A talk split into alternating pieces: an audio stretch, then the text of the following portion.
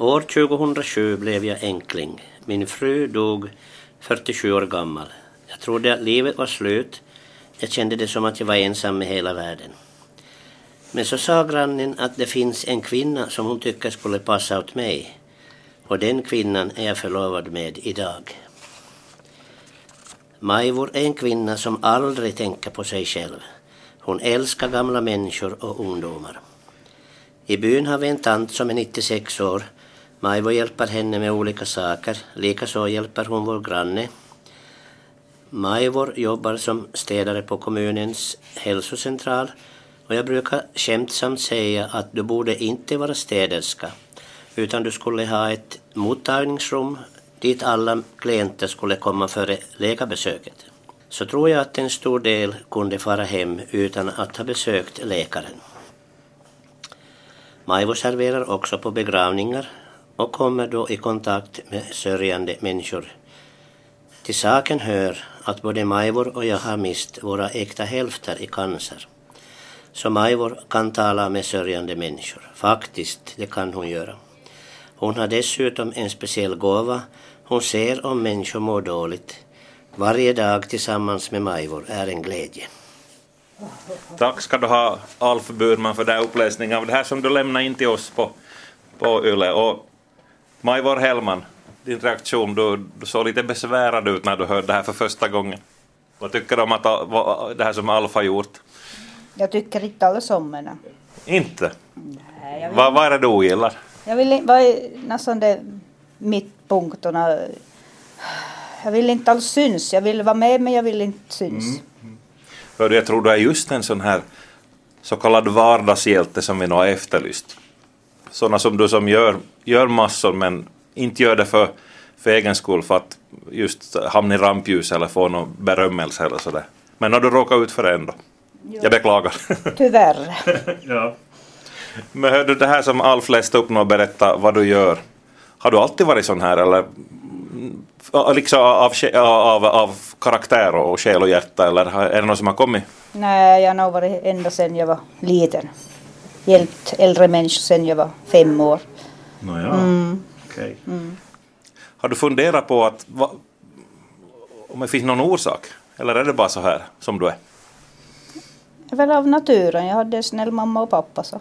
Ja, ja. ja. Det har gått i arv? Ja. Mm. Okej. Okay. Har du någon syskon? Jag en bror. Mm. Nå, då. Hur är han då? Vi är så olika så. finns inte alls någon likhet.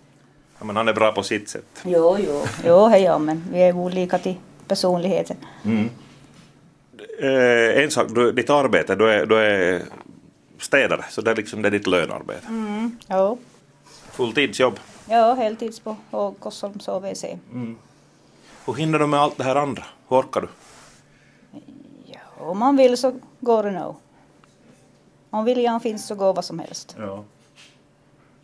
Du, no, det, det, är din karaktär där, men, men, men vad ger det dig? Liksom? Tänk, tänker du på när du pratar med någon, med någon gammal till exempel och lys, lyssnar på dem, så funderar du över vad du gör då eller är det bara liksom här och nu?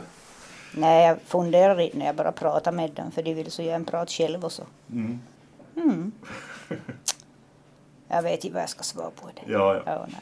No, men du är lite mot väggen här nu. Men, men om du förväntar dig liksom applåder och så vidare och, och så där, men att eh, är det någonting som du vill få ut av det här, dina goda gärningar?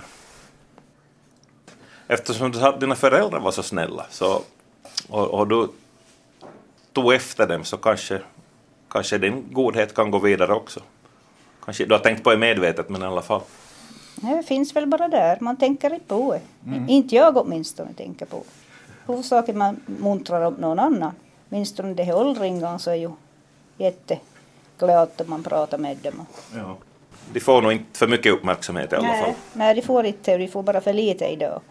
Plus alla ungdomar som jag tycker om. Alf, eh, du sa här före intervjun att, att ni är rent av lite sådär stridande över det här, att du faktiskt skickade in det här. Eh, Majvor trodde att du skämtade när du sa att du skulle göra det. Ja, hon, hon trodde faktiskt inte på mig fast jag, när jag såg det här, jag hörde i radio förresten mm. och, och, och, och, då tänkte jag, det finns, det finns ju en sån där vardagshjälte. Så och till och med i mitt hus. Så, så det här, ja, jag tror jag gick direkt till datorn och, och, och sände in det här och, och eh, sa att Marva, jag har sänt in det där till radion. Och, och så lämnade jag på det viset. Hon, hon trodde ju inte vad jag, vad jag sa. Men jag tycker att hon är en speciell människa. Hon är en mycket speciell människa. Jag vet ju det för att jag bor tillsammans med henne. Det är klart att vi är osams så. Om olika saker, hon och jag. Men, men just med det här att hon tycker om äldre, jag brukar säga så här, hon tycker om äldre människor eller vi, vi, nej, hon tycker om gamla människor och unga människor och så någon 65-årig gubbe däremellan. Så att, att eh, det, det, ja, hon är, hon är otrolig. Hon, jag vet inte varifrån hon får sina krafter. Kanske jag ger henne några krafter då. Man vet aldrig. Ja. Ja, och, och ibland drar jag ur henne. och just det här att hon är synsk. Jag tycker att hon är det. Hon, hon, hon, hon kan se en människa så, som jag känner och så säger hon precis hur, hur människan är utan att första gången hon har träffat, träffat den människan. Nu ska ju inte människor behöva bli rädda för att, att, att tro att, att Majvo går in i, in i själen på dem. Utan, men det, det här är en förmåga som hennes mamma hade, och, så har hon sagt. Så att, att eh, det, det är nog fantastiskt med, med sådana här vardagshjältar. Och jag, det har smittat av sig lite på mig och jag har, jag har fått en lite annorlunda syn på livet kanske efter och kanske man får det när, när det händer tragiska saker som, som det har gjort i livet så, så tar man tillvara det där fina. Ja. Ja, du, du som, du som eh, lever med Maj, Majvor och ser hur hon äh, arbetar, så liksom, hur reagerar omgivningen om, om, om inte hon no- noterar att de säger tack eller sådär, pratar gott om henne, men vad har du, vad har du hört sägas? Nu har jag ju eh, hört sägas eh, hårkon, och, och ja, hur- hårkon, eh, det, det, det är ju det där som, hon börjar fem på morgonen och hon, hon, hon, eh, kommer hem eh, ett, två tiden och hon, hon serverar på begravningar på lördagar och, och, och men man, det, det man trivs med så orkar man med. Jag, jag tror ju att det är på det viset.